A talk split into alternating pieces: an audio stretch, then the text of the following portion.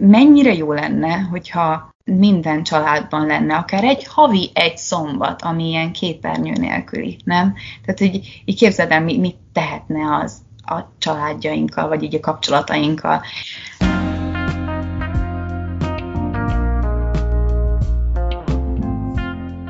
Te most a Kalandvágyból külföldre podcastet hallgatod, én pedig Dóra vagyok a műsor házigazdája kilenc hónapot eltölteni egy angol buddhista kolostorban, vele csöppentni egy ortodox zsidó család hétköznapjaiba, együtt szórakozni egy francia szigeten egy utazás közben megismert idős házaspárral és annak barátaival, ez csak néhány kaland abból a rengetegből, amit Júlia már átélt. Fiatal kora ellenére számtalan országban járt már, az angol száz kultúra különösen vonza. Szakmája az illusztrálás és vizuális jegyzetkészítés, hobbija a swingtánc, utazik, ismerkedik, barátokat szerez, egy szóval élvezi az életet. Hallgassátok szeretettel Júlia történetét. Ha tetszett az adás, nyomj egy lájkot, és hogy ne maradj le a következő részekről, iratkozz fel a csatornámra. Júlia vagyok, és illusztrátorként dolgozom, úgyhogy a kis tabletemmel utazom most a világot, digitál nomádként. Azt hittem, hogy ez csak egy fázis, de úgy tűnik egy életmód. Mellette swing táncolok. Mi volt az első hosszabb utad, amikor életvitelszerűen éltél külföldön? Ja egy Erasmusszal kezdtem a külföldi kalandjaimat még 21 évesen, és egy évet voltam Franciaországba, és utána rákaptam arra, hogy így a, ezzel a Workaway nevű programmal, amikor csak lehetett, dobbantottam külföldre kicsit önkénteskedni, ott egy Toszkán farmokon, meg Barcelonában egy hostelben falakat festettem, meg tehát az nagyon jó lehetőség volt arra, amikor az ember még diák, és nincs nagyon pénze, viszont rengeteg ideje van, és akkor Koszkváté utazgathat a világban, és mindenhol otthonra lel, úgyhogy ez nagyon jó volt.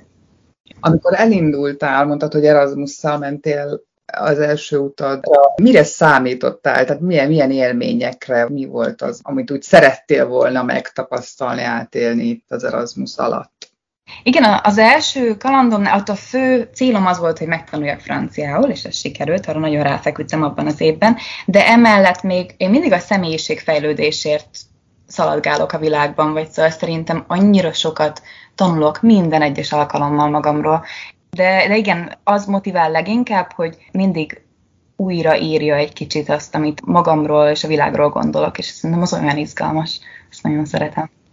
Amerikába azért mentem, mert megkaptam egy ösztöndíjat, hogy tanuljak egy Organizational Leadership nevű szakon, ami azért volt egy érdekes húzás, mert éppen akkor végeztem az angol és rajztanári képzéssel, egy ilyen végtelen hosszú hat éves képzéssel Szegeden, de mivel nem annyira tudtam még mindig, hogy mit kezdjek az életemmel, ezért jó ötletnek tűnt erre még rátolni még egy diplomát, és egy kis időt nyerni, és Amerika szintén nekem mindig nagy szívügyem volt, azért vagyok megint itt, valahogy mindig vissza, visszahív, és kimentem, és akkor ott két évet tanultam, és, és dolgozgattam, és ott töltöttem a karanténomat, de nagyon jó volt. Igen. Ez a képzés, amiről beszéltél, ez mi volt pontosan, mit, mit tanultál? Ez egy mesterképzés volt, hát Organizational Leadership, tehát ilyen, olyan volt, egy MBA, ilyen business school, amit itt a rajztanári tapasztalatomra ráépíteni, az nagyon eklektikusnak tűnt akkor, de most arra így kezd összeállni, tehát most a munkámban például tök sokat használom ezt, mert egészen sok ilyen, ilyen leadership meetingben van részem, és akkor mindig jól jön, hogy véletlenül nekem pont van erre egy diplomám. Vizuális jegyzeteket készítek. Tehát tulajdonképpen bekapcsolódok online meetingekbe, vagy konferenciákra, van, hogy egy óra, van, hogy hat óra, és én egész végig rajzolok. Érzetelek és rajzolok, és a végén kapnak egy ilyen szép vizuális térképet arról, hogy miről volt szó a meeting során ami jó pofa, hogy ők végig látják a tollam hegyét a képernyőjükön, tehát hogy ez egy online eseményt is izgalmasabbá tehet nekik. Az, hogy te tanár legyél, az az egyetem után nem, nem is volt opció? Hát őszintén szóval kipróbáltam, és egy pár hónapig tanítottam, de az, az úgy teljességgel kielégítő volt nekem. Azt éreztem, hogy csúcson kell abba hagyni, ennél lelkesebben nem leszek, viszont valahogy azt éreztem, hogy én ott még, még túl sok volt bennem a kíváncsiság, hogy még mi minden lehetnék, vagy még mi minden lehetne az élet. Bár Budapest egyik legjobb gimnáziumában tanítottam, meg nagyon élveztem, de úgy voltam vele, hogy ezt még visszameltek 20 év múlva is csinálni, viszont most még lehet, hogy más dolgokat is lejthetnék az életemmel. Ez hogyan jött ez a szakma? Hogy találtál rá? Engem rákényszerített az élet érdekes módon arra, én is most azt kívánom, bár mindenkit rákényszerítene, hogy én kilenc hónapot ültem a fenekemen, és kerestem azt, hogy mi legyek. Vagy szóval, hogy mivel nem volt vízumom arra, hogy Amerikában dolgozzak, viszont még ott kellett lennem, karantén, meg tanulmányok, meg stb. Viszont nagyon szerettem volna maradni, és volt egy határidő, hogy meddig kell egy munkát találnom. És tényleg minden nap 9-től 5-ig keresgéltem, hogy, hogy mindenhol jelentkeztem. És ez azért volt nagyon érdekes, mert szerintem az volt a fő probléma, hogy nem tudtam, mi akarok lenni. Mert amint viszont megtaláltam ezt a szakmát, és amint belemertem állni, zsum, minden olyan könnyen jött, és ott viszont tényleg vért izzadtam minden könyvkiadó, múzeum, Tesla, össze-vissza interjúztam, és valahogy semmi nem jött össze. És mai fejjellemmel már értem, hogy miért, de de nagyon hálás vagyok azt, hogy, hogy ott nagyon-nagyon sokat foglalkoztam a saját pálya orientációmmal. Ott 25 évesen már volt egy pár diplomám, meg szóval már úgy tudnom kellett volna, azt gondoltam, de én, én ezt mindig nagyon komolyan vettem, hogy, hogy én meg akarom találni azt, ami, amire születtem, ugye. Mert hogy azzal fogom az életem kétharmadát tölteni, akkor már szeretném szeretni. Igen, és hihetetlen mázli, hogy ilyen fiatalon meg is találtad, mert Igen. sokan vagyunk, akik még mindig életünk közepén is azzal küzdünk, hogy mi lenne az, Igen. amit szívesen csinálunk. Igen. Amíg amíg nem volt bevételed, addig miből finanszíroztad? Muszáj, muszáj erről is beszélnünk, mert ugye sokakban mindig az merül fel kérdésként, hogy oké, okay, hogy utazik, meg Amerikába mm. van, meg jön, megy a világba. Miből? Aha, hát ennek én mestere vagyok. hát, kezdjük, persze. Kezdjük azzal, hogy például a, a Workaway, ezt én állandóan promózom, mert hát ezzel töltöttem az ifjúságomat. Tehát ott tényleg tulajdonképpen megoldod azt, hogy kirepülje valahova, és onnantól van szállásod, ételed, és napi három-négy óra tutyi-mutyi munkáért. Tehát én volt, ahol csak mint a lovakkal játszottam, volt, ahol olivafájakat locsoltam, volt, ahol tényleg a, egy hostelben falfestményeket készítettem. És tényleg az, hogy, az, hogy tulajdonképpen minden lakhatási költségedet fedezik, és még etetnek is, ez nekem akkora a biztonságot nyújtott. Oh, Rengeteg lehetőség van ingyen utazni. Tök érdekes, hogy, hogy azt hiszük, hogy pénzbe kerül, és közben meg couchsurfingtől kezdve a workaway át, a, most a house sittinget tolom, tehát itt is San Francisco-ban hónapot ingyen lakom, két papagájra az, amikor, vigyázok. Amikor az állatokra kell vigyázni? Igen, ez house sitting pontosan olyan, mint ennek hangzik, egy házról vigyázok, és néha jár hozzá egy pár állat. Nagyon jó. Sosincs rossz tapasztalatod? Soha. Nagyon érdekes, igen. Tudod pontosan, hogy milyen lakásba fog megérkezni, mi lesz pontosan a feladatod? Tehát nincsen csalódás egyik-másik oldalról? Nekem meg nem volt ez kicsit úgy amikor egy Airbnb-t mondjuk lefoglalunk. Tehát itt is látok képeket a házról, esetleg egy pár ilyen visszajelzést olvasgatunk egymásról, ha van, és különben meg az egész egyszerű, az emberek jók. Minden utazásom során csak egyre nagyobb meggyőződésem, hogy az emberek jók, minden jóra fordul, nincs annyira veszély, szóval... Nem ért soha semmi atrocitás? Engem soha, külföldön soha. valahogy az derül ki, hogy olvastam a blogodat, hogy te egy ilyen nagyon közösségi ember, vagy talán lesz le is írod így ezekkel a szavakkal az egyik posztodban. Most itt, hogy vigyázol a lakás, ugye egyedül, vagy ezt hogyan éled meg, hogyan, hogyan éled a közösségi életet így? Igen, tehát alapvetően azt veszem észre, hogy bármerre megyek, ha egy kicsit ott maradok, akkor előbb-utóbb sikerül egy baráti társaságot alapítani, úgymond. Ezt onnan tudom, hogy most is minden ilyen messenger és WhatsApp csoportban benne vagyok, Amerika, Anglia, Franciaország, és ezek még mindig pesegnek, ezek a társaságok. Tehát ha úgy nézzük, nekem egyre több otthonom van a világban, én szeretem így látni, tehát hogy bárhova visszamehetek, és ott vannak, ott van még a bandám. Viszont néha nekem például most nagyon jól esik, azt most egyedül vagyok, akkor tudok igazán mondjuk blogot írni, alkotni, meditálgatni, magammal foglalkozni, mert különben bele tudok csúszni egy ilyen nagyon extrovertált iliskába. Az nagyon megragadott az a gondolatod, hogy akkor éppen szerintem egy ilyen csoportban, közösségben éltél, tehát többen voltatok, és ott írtad, hogy az emberek jönnek, mennek, megismerkedtek, de tovább állnak, és hogy megtanultál úgy szeretni, hogy nem ragaszkodva. Ezt mm. hogyan csinálod ennek? Mi a titka, hogy ezt, ezt az ember megtanulja? Azt nem mondtam, hogy ezt megtanultam, azt mondtam, hogy a buddhisták szeretnék, hogy ezt megtanuljuk, de rajta vagyok, az biztos. a buddhistáknak az egyik fő motójuk az, hogy a legtöbb szenvedésünk abból származik, hogy dolgokhoz ragaszkodunk és hogyha ezt sikerül elengedni, akkor tudunk igazán szeretni. És ez nagyon passzol most a, az életemhez, mert állandóan helyszíneket váltok, állandóan próbálom lefokozni a tárgyaim mennyiségét, ugye egy bőröntbe be kell férni, és a baráti társaságok is kicsit olyanok, hogy, hogy tovaszállok, mint Mary Poppins, és aztán továbbra is tartjuk a kapcsolatot, meg bármikor visszamehetek, de ez nem működne akkor, hogyha elvárnánk egymástól azt, hogy állandóan tartsuk a kapcsolatot. Nagyon sok jó barátom van Magyarországon, és de van ez a Vörös Sándor idézet, hogy legyél olyan, mint a tűzfény a melege, hogy aki közel jön, az többet kap, és aki távol van, vagy távol akar maradni, az kevesebbet, és hogy én, én azt veszem észre, hogy ahol vagyok, ott tudom a legtöbbet adni, és, és minden élethelyzetben szerintem más típusú barátokra van szükségem.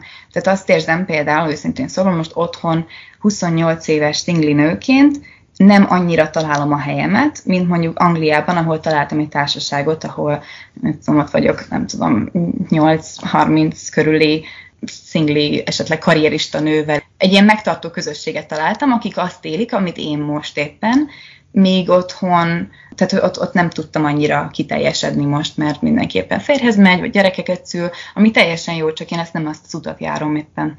Hogy találsz rá egy ilyen közösségre? Mi a közös ebben? Mi volt a hívó szó, amiről tudtad, hogy te oda be akarsz csatlakozni? Mm. Általában, mondjuk nekem az a szerencsém, hogy swing táncolni nagyon szeretek, és elmegyek, és ott rögtön instant barátságaim születnek, bármerre megyek, mert minden városban van swing tánc, és mindenhol nagyon jó fejemberek vannak, és én igazából ott ismertem meg az amerikai és az angol társaságomnak is a gyökeri többieket, meg itt ott egyiket jazzbárban szedtem fel, másikat a parkban. Én ha látok valakit, akivel így megvan az a szikra, akkor, akkor abból abból barátság lesz. az, hogy éppen hol vagy helyileg, az a, a nyelvtudásodon kívül mi befolyásolja? Számít-e mondjuk, hogy milyen időjárás van? Nem, mindent szeretek kipróbálni. A, ami számít egyébként, hogy én nagyon szeretem azt, amikor valami végtelen természet van a közelben. Tehát akár egy nem tudom, nemzeti park, vagy egy óceán, vagy valamit, az, ott vagyok a legboldogabb. És hát, hogy a kultúra vonzon valamennyire, és az időzónák, ugye, már, már így is necces, most itt vagyok a nyugati parton, és ilyen hajnal négykor kell kellnem egy londoni munkához. Ez azért annyira nem élhető, úgyhogy valószínűleg zúzok vissza Európába. Két ország között lavírozol, ugye Amerika és Anglia. Mit ad neked az egyik, és mit a másik? Hát kezdem azt érezni, hogy pont ezek miatt a baráti társaságok közt a kis digitál nomád életem kezd abból állni, hogy csak ingázok a baráti társaságaim közt, és tartom a kapcsolatot. Tehát most már van egy nagyon jó itt Amerikában, akikkel a karantén töltöttem, nagyon jó barátaim vannak, és hogyha átjövök, akkor velük mindig lehet egy jó roadtripet csinálni, tehát hogy, hogy itt, itt rögtön minőségi emberi kapcsolataim vannak, akikkel lehet valamit kezdeni. Ugyanez Angliában, de ezek, ezek nekem, ez a kettő, ez nekem szerintem, nem tudom, már húsz éve, vagy szóval mióta az eszemet tudom, ez a kettő kultúra vonzott engem, az angol világ, nem véletlen lettem angol tanár is. az angoloknak nagyon szeretem a humorát, meg a mentalitásukat, meg az egésznek a hangulatát, én az esőt is, és Amerikában pedig nagyon szeretem ezt a könnyed lazaságot és az önbizalmukat. És, és amikor ugye tudtam, meg ott tudtam tölteni egy kis időt, éreztem, ahogy, ahogy ezek a dolgok, amikre felnéztem, ezek ragadtak rám, és ezt nagyon élvezem. Miben változtál az mm. utazásod során? Egyrészt Amerikában szerintem attól, hogy az ember ott él, azokkal a fiatalokkal, ugye mind az korosztályom, nagyon sokat tudtam oldódni és, és lazulni köztük. Ugyanakkor egy városban voltam, egy amerikai városban, és így kilettem téve a különböző liberalista szemléleteknek, és én pedig érkeztem egy ilyen jó konzervatív országból, és, és nagyon sokat formálódtam, ahogy látom a világot a, az elfogadásban, akkor szerintem alapvetően minket nem tanítanak meg otthon még, hogy hogy kommunikáljunk akár rasszizmusról, vagy a gender dolgokról, vagy, vagy uh, ugyan, ugyanezt tapasztaltam Angliában is, hogy ott minden barátnőm ilyen jó feminista volt, én meg véletlenül olyanokat mondtam, amiken de, mindig röhögtek rajtam, hogy így hozom itt az 50-es évekbeli szófordulatokat. Tudsz példát Mm-hmm.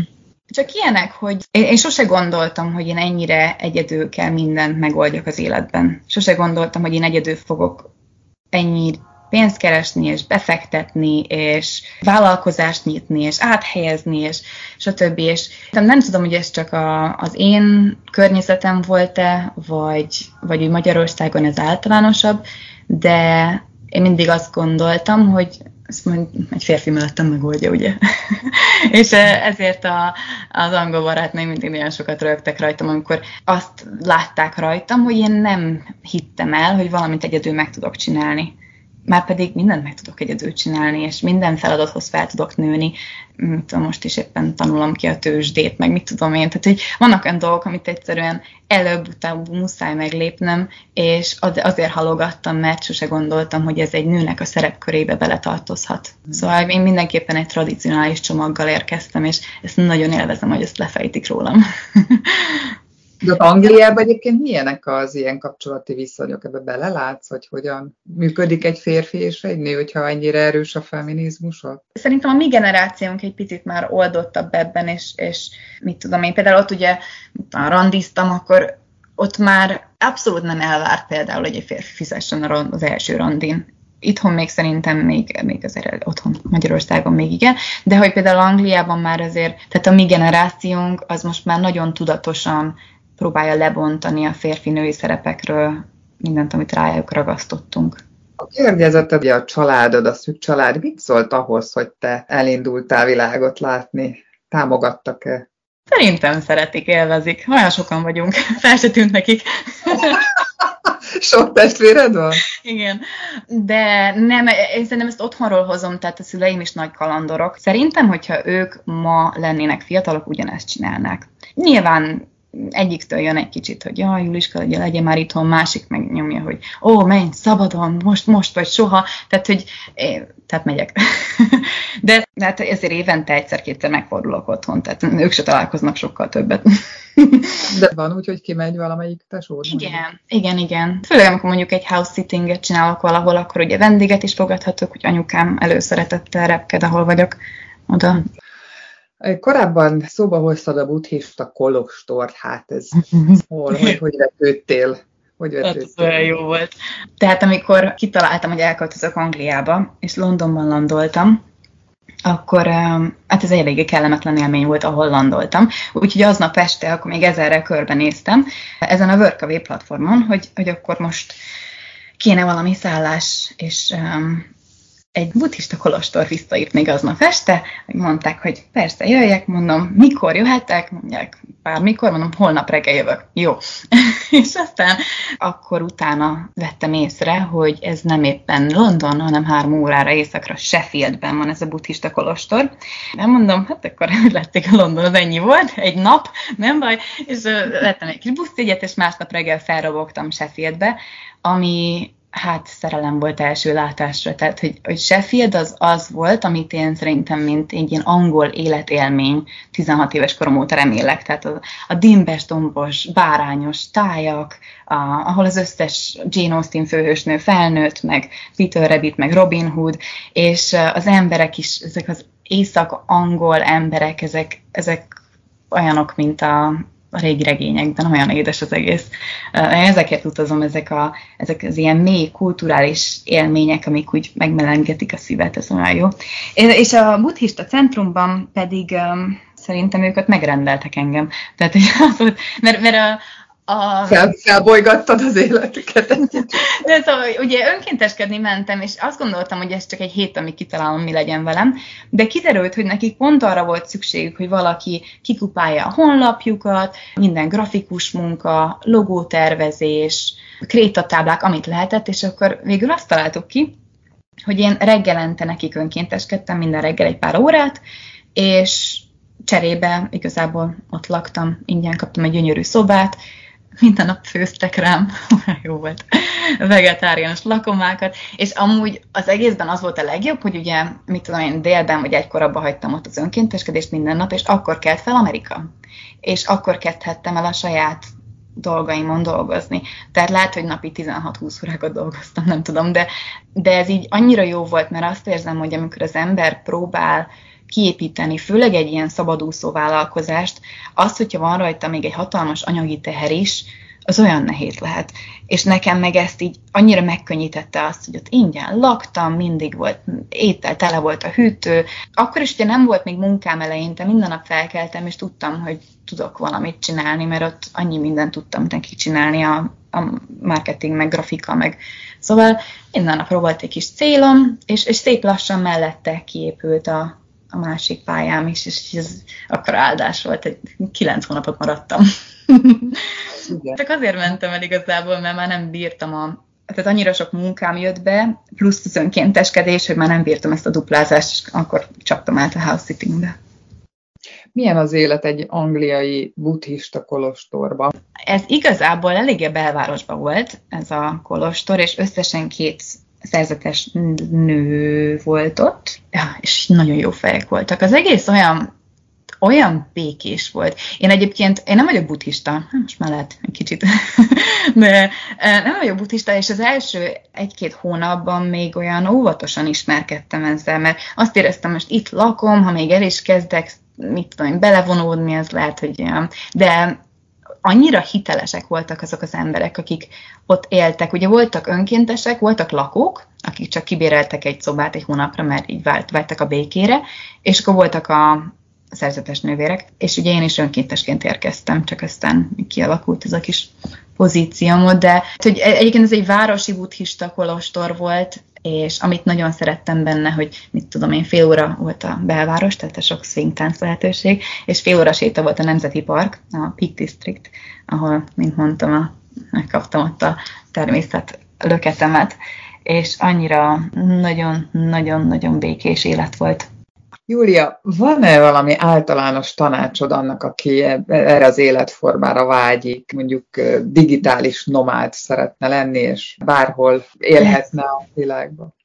Persze. Hát egyrészt az, hogy sokkal könnyebb, mint gondolnánk, vagy szóval, hogy manapság, és szerintem ezt a Covid alatt bizonyítottuk, hogy hogy majdnem minden munkahelyet tudtunk online végezni, és nekem, hogyha egy cég, pláne ami mondjuk egész nap a laptopodról dolgozol, hogyha nagyon erőlteti az, hogy te legyen benne állandóan, az nekem gyanús. szóval, hogy, hogy én azt érzem, aki igazán szeretne egy teljesen online munkát, azt találhat manapság, mert nagyon sok munkahely van odakint, és utána pedig utána pedig csak neki kell indulni. Tehát uniós ország vagyunk, igazából legtöbb helyre nem is kell nekünk vízum, bárhol élhetünk egy-két hónapot. Aki, akinek arra telik, vagy nem tudom, nem akar így kreatívabban megoldani, az csak vegyen ki egy Airbnb-t itt ott, vagy akár mit tudom, egy két-három hónapra egy albérletet valami városban, ami nagyon tetszik neki, és csak próbálja ki, aztán repüljön haza. De nagyon-nagyon érdemes, mert, mert ez akkora lehetőség, ami a szüleink generációnak még nem volt, és igen, a gyerekeink meg már nem fogják érteni, mi miért nem csináltuk. Mert szerintem ez, erre rá fog kapni a világ.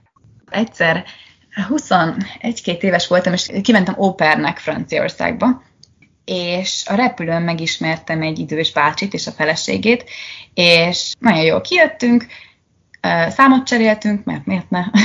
Ilyet is szoktam. És aztán az óperkedést azt annyira nem élveztem, mert szóval én négy gyerek anyja lettem hirtelen 22 évesen, és legidősebb volt 5 éves, szerintem ezért nem vagyok most még anya, miatt a tapasztalat miatt. Ez egy jó wake-up call volt. De a lényeg az, hogy én nem élveztem ott azt az egészet, és akkor írtam ennek a bácsinak, akit ugye megismertem a repülőn, és meghívtak magukhoz Noir Mutjéba, ami egy sziget Franciaország mellett, és akkor ott velük lógtam voltam igazából egy, egy-két hetet, de nagyon jó volt velük, és a nem tudom, 70-es, 80-as baráti társaságukkal, úgyhogy ezt, ezt azért szeretem ezt a történetet, mert um, nyilván mindenki hüledezik, hogy itt idegeneknek megadom a számot, aztán elrepülök hozzájuk a szigetükre, de, de ez is azt bizonyítja, hogy annyi jó indulat van odakint a világban, és annyira sok kíváncsi ember van, és én tisztában vagyok vele, hogy én egy fiatal fehér nőként valószínűleg a legjobbat hozom ki az emberekből, és nem mindenki ezzel a csomaggal érkezik, de az én életem az abszolút az bizonyítja, hogy, hogy meg lehet bízni az emberekben, és, és olyan jó dolgok történnek, ha csak úgy beleengeded magad. Én annyiszor találom magam ilyen lehetetlen helyzetekben, és aztán mindig megoldódik, mert az emberek segítenek, vagy szóval jó fejek. Ja. Hogyan látod magad mondjuk tíz év múlva? Ja, apukám is ezt kérdezi. Nem. Tehát egy kicsit azt érzem, hogy szállok a széllel, amíg valaki vagy valami így el nem kap mert most nem értem, hogy miért állnék le, amikor ez olyan jó. és a másik meg az, hogy, hogy én, én tényleg az elmúlt egy-két évben azt érzem, minden barátnőm itt összegyűjtötte a stafirungját, meg IKEA, meg mit tudom én, tehát berendeztek maguknak egy otthon, nekem nincs. Tehát van egy bőröndöm, abban van minden cuccom, és én ezen dolgoztam nagyon keményen, és, és tényleg van benne nyár, tél, nem tudom, kempingezés, swingtáncolás, randig, ami, amit csak hoz az élet, én készen állok. De ahhoz, hogy én valahol letelepedjek, ahhoz nekem ilyen komoly gyűjtögető akcióba kéne kezdenem, mert tulajdonképpen ezen kívül semmi nincs most. Látom azt, hogy a legtöbb ismerősöm, aki vágyik erre az életre, amit én csinálok, a tárgyaik fogják őket vissza. Tehát akkor mit csinál a kanapéjával, meg a botfig mixerével, meg a növényeivel, meg a kutyájával, és hogy nekem az a szabadság az, hogy én ezeket, ezeket sikerült egy kicsit lehántanom az életemről átmenetileg. Nem mondom, nem mindig kellemes, pláne mert nő vagyok, és szeretnék, tehát hogy ezért jó az, hogyha az embernek van egy óriási gardrobja, de, de most én ezt, um, ezt tudom beáldozni azért, hogy minél mobilisabb legyek. El tudom képzelni a következő években még biztos mozgolódom körbe, de de szeretek letelepedni helyeken pont azért, mert akkor lesznek igazi minőségi kapcsolataim, tehát hogy bár most az elmúlt, mit tudom én, pár hónapban itt hopponáltam jobbra-balra, de alapvetően szerintem az az ideális, hogyha valahol leállok egy ilyen 6-10 hónapra, és akkor ott igazán részévé válok az életnek. És, és akkor az lehet, hogy Anglia lesz, mondtad, hogy most vagy, vagy vágy. Mm-hmm. Igen, most, most lehet, hogy Skóciába megyek, és ott Edinburgh környékén um, maradok. Én nem tudom. Vagy Dél-Franciaország, megnézem, mi maradt a francia tudásomból. Mm, ma van egy-két ilyen homályos tervem, és repjegyem, de, de ezt sose tudni. Mindig úgy egy-két hónapra előre, hogy nagyjából tudom, hogy melyik kontinensen leszek. Nagyon szeretem azt, amikor nem tudom, hogy mi fog történni. Meg nagyon szeretem a változást is, az is furcsa. És szeretem azt, amikor azt érzem, most például idén azt érzem, hogy hogy kihozom az életemből és az életkörülményeimből a maximumot. És, és mo- most azt érzem, hogy nagyon jó szabad, szabad az élet, ezt most nagyon élvezem. Vannak persze nehezebb pillanatok, jó, most ideje nem volt, de hogy, hogy nyilván eleinte, amikor ezt így elkezdtem, akkor voltak magányosabb perceim, főleg amikor még nincsenek valahol barátaim, vagy szóval hogy az első pár hét az mindenhol nagyon nehéz, ahol mondjuk letervezek telepedni. Ha, nincs, ha nincsen bennem ilyen ambíció, akkor meg könnyű, mert akkor csak elfogadom, hogy ez most egy ilyen átmeneti kaland amikor a Franciaországban megérkeztem, nem annyira beszéltem a nyelvet, és én azt hittem, hogy egy, találtam magamnak egy jó kis francia lánykolit, mert ugye az Erasmusokat néha úgy összedobják egy helyre, és tudtam, hogy ott esélyem nincs megtanulni franciául, és akkor ezért valami más kerestem magamnak, és véletlenül egy uh, francia zárdában landoltam, és öt kínai apácával laktam egy pár hónapot, úgyhogy ez csak ilyen vicces, mert most meg a buddhi kolostor, meg egyszer egy ortodox zsidó családdal laktam Alabamában, úgyhogy látszik, itt turnézom a vallásokat. Ú, de mesélj már arról.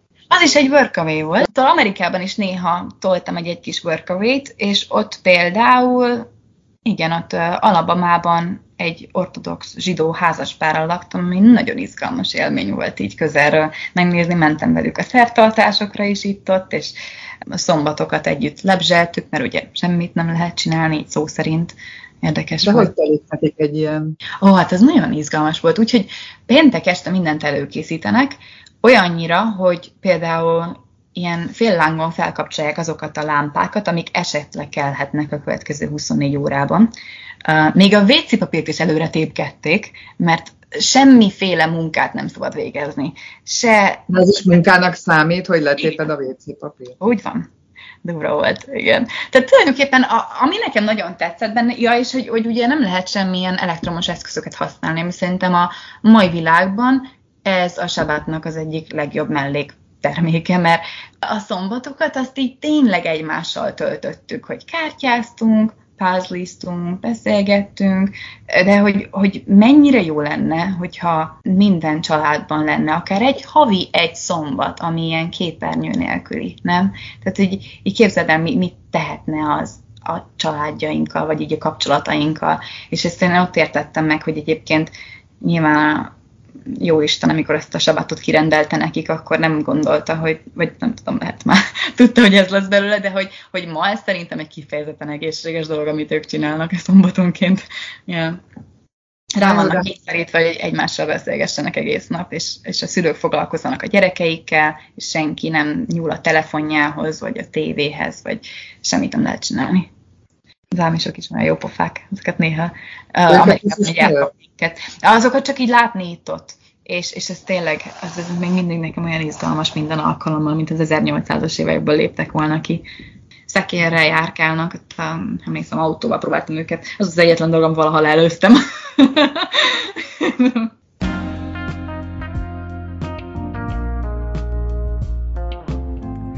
Remélem, hogy tetszett az adás. Ha nem szeretnél lemaradni a következő epizódokról, érdemes feliratkozni a csatornára. Találkozunk a következő részben jövő szerdán.